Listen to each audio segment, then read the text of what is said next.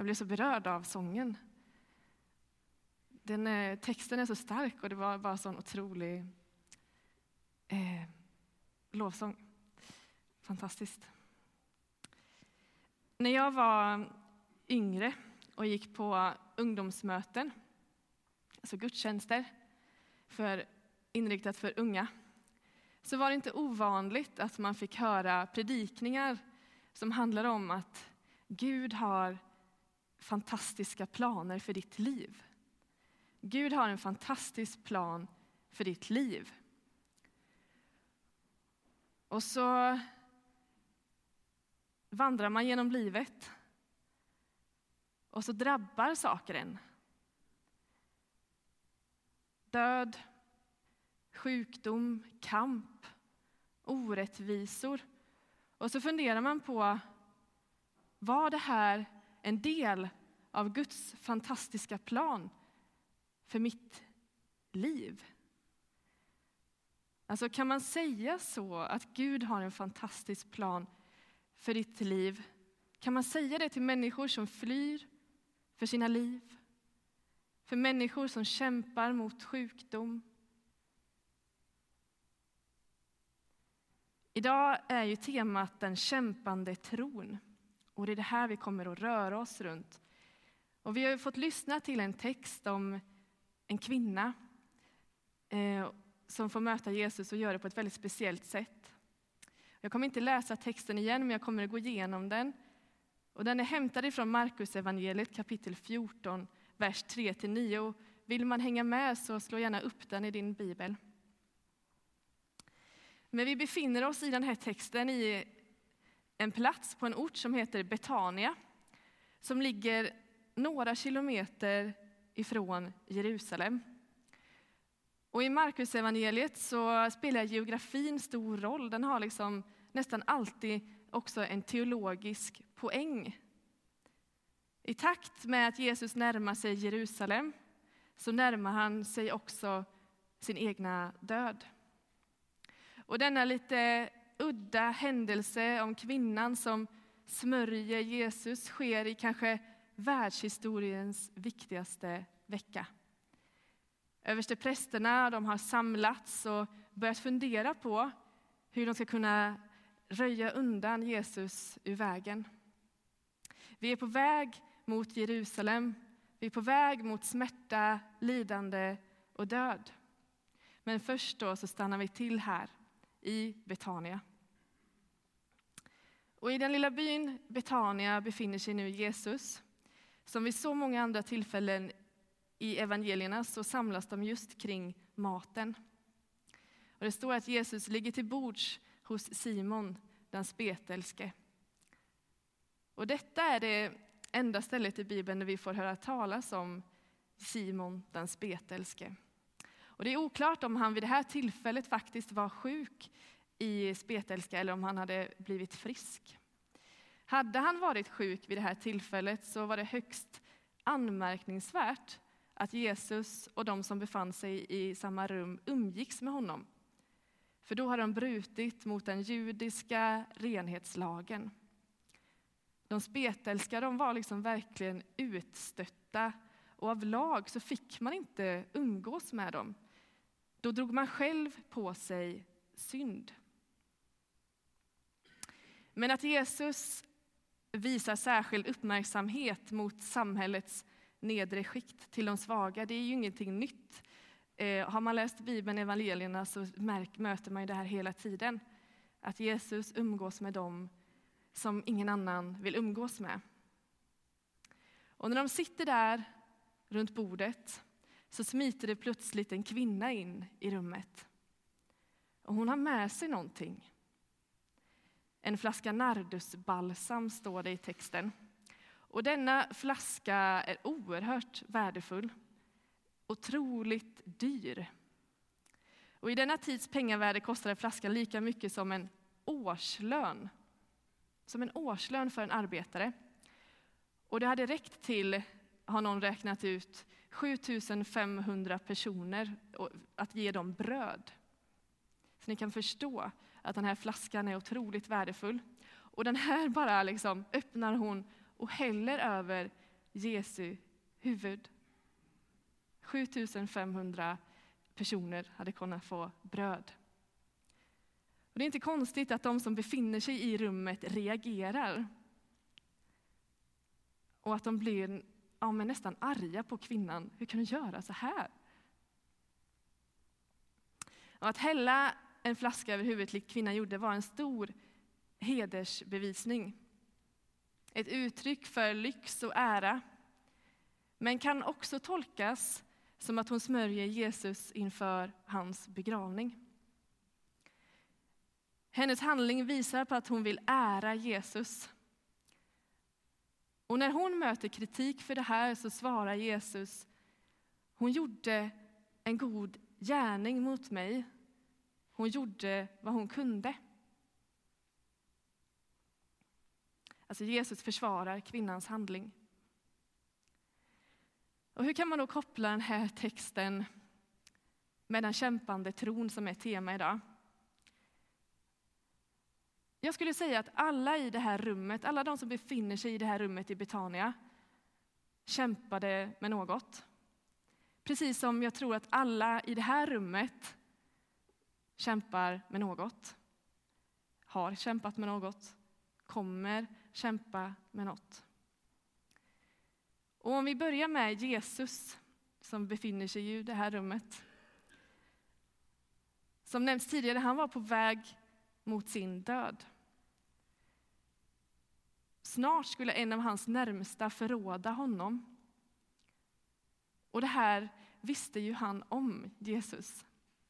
Han visste om att han gick mot sin död. Att människor han älskade skulle svika honom. Och vi vet ju, om vi läser vidare sen mot påsk, liksom, epicentret, att han har ju en otrolig ångest. En ångest och en oro. Och vi kan ana att den här ångesten, den har nog redan börjat smyga sig på. Och ibland så står vi inför stora utmaningar i våran tro och vi kan verkligen börja fundera på om det håller. Och som Jesus själv säger på korset, varför Fader har du övergivit mig? Jag tror att vi alla kan också känna så ibland i våra liv. Känna ångest, oro inför saker och känna, vad, vad Gud, vart är du någonstans? Det känns som att du har övergivit mig. Och i Getsemane, den här platsen där Jesus hade den här äh, otroliga ångesten, oron.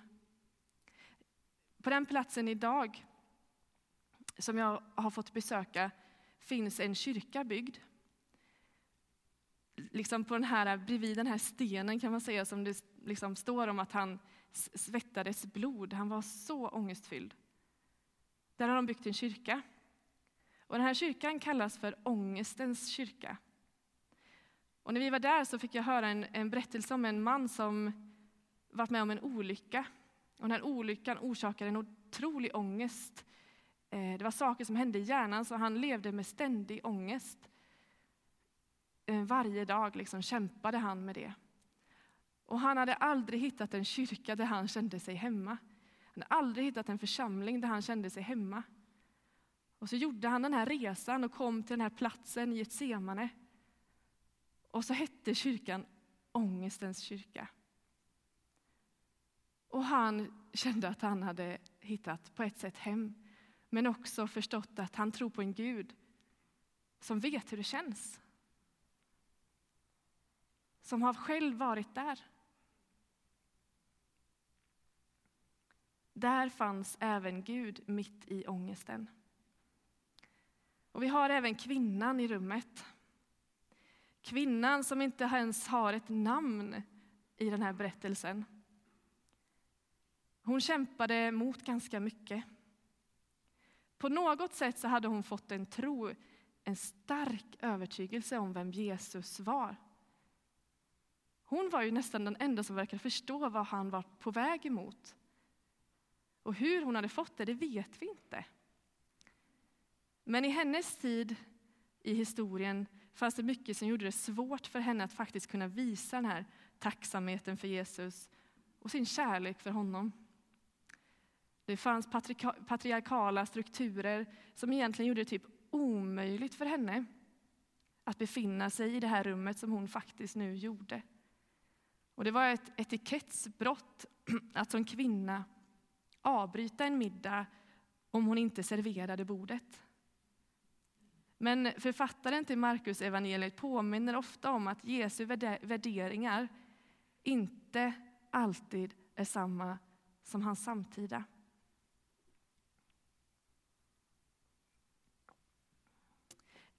Kvinnans avbrott ses som en demonstration av tro.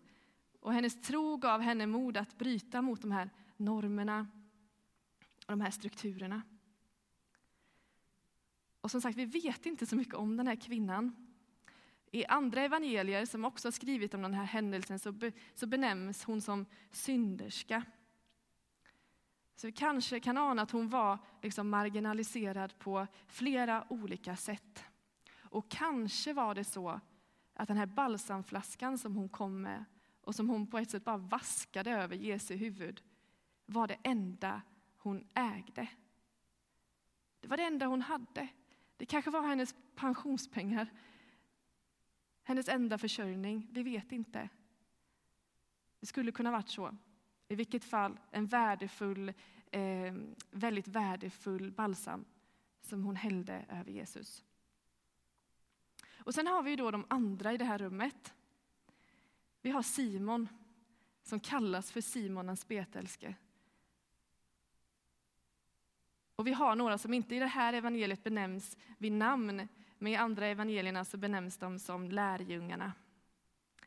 I vilket fall så har vi dels en man som kämpar med, eller har kämpat med, en fruktansvärd sjukdom. Som också orsakade att andra runt omkring dig, om du umgicks med dem, att de också drog på sig en synd. Alltså, förstår ni hur marginaliserade de som hade spetälska var? Han kämpade med en fruktansvärd sjukdom. Sen har vi de här andra då, eventuellt lärjungarna, som blir oroliga, liksom obekväma över kvinnans agerande. Det fanns en väldig ängslighet här, tycker jag. Dels kanske de blir oroliga över hennes framfusighet. Hennes övertygelse var liksom lite väl obekväm. Men även det här då med att de börjar diskutera vad balsamet var värt. Alltså, skulle vi inte kunna gjort något annat för de här pengarna istället? Ge till de fattiga.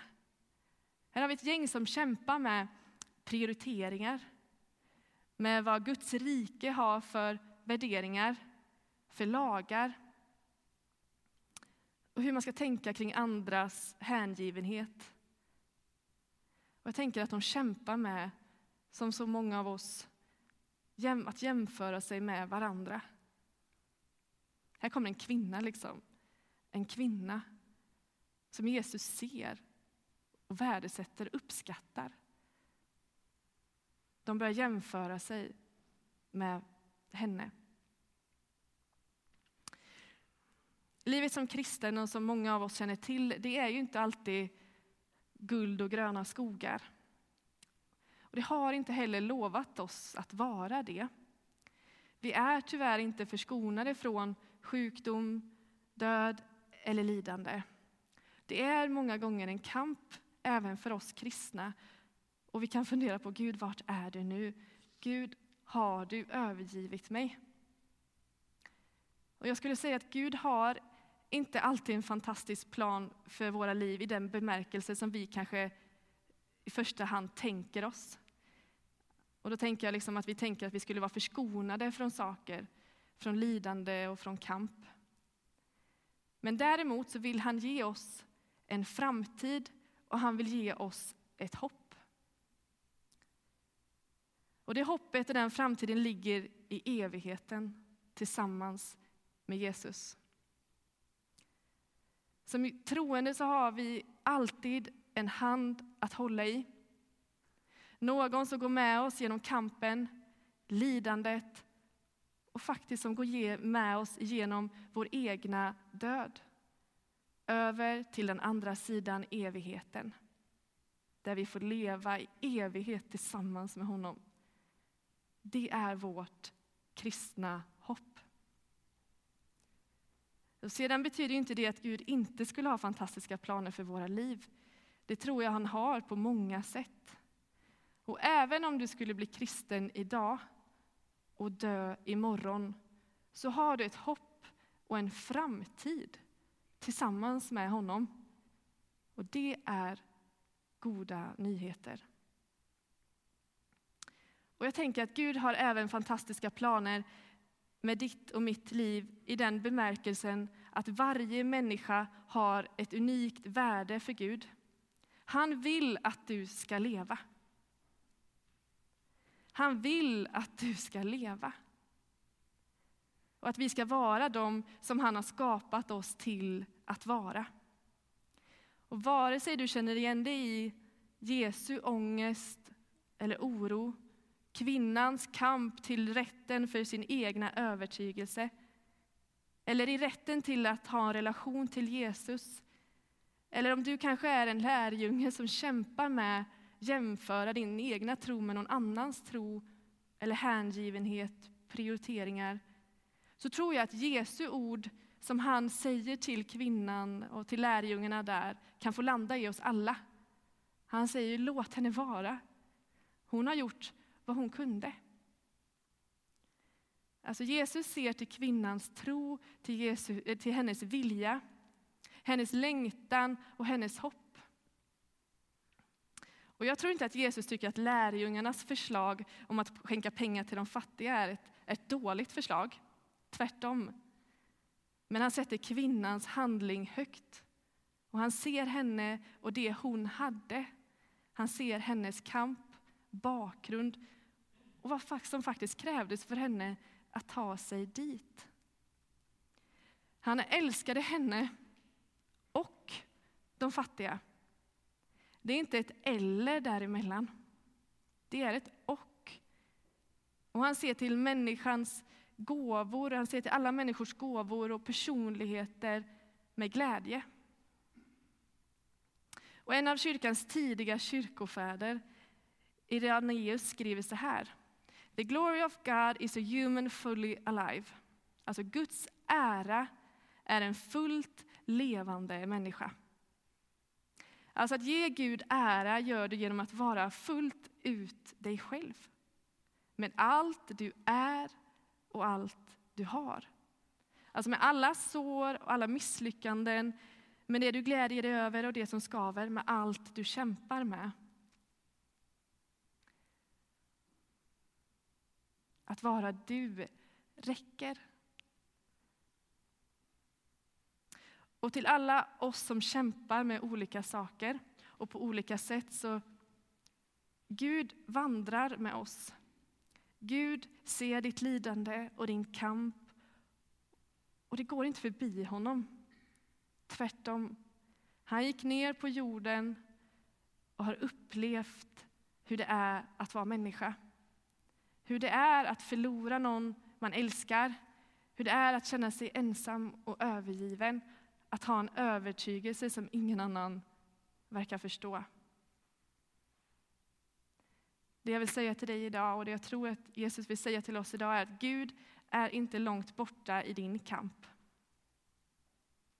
Gud är inte långt borta i din kamp.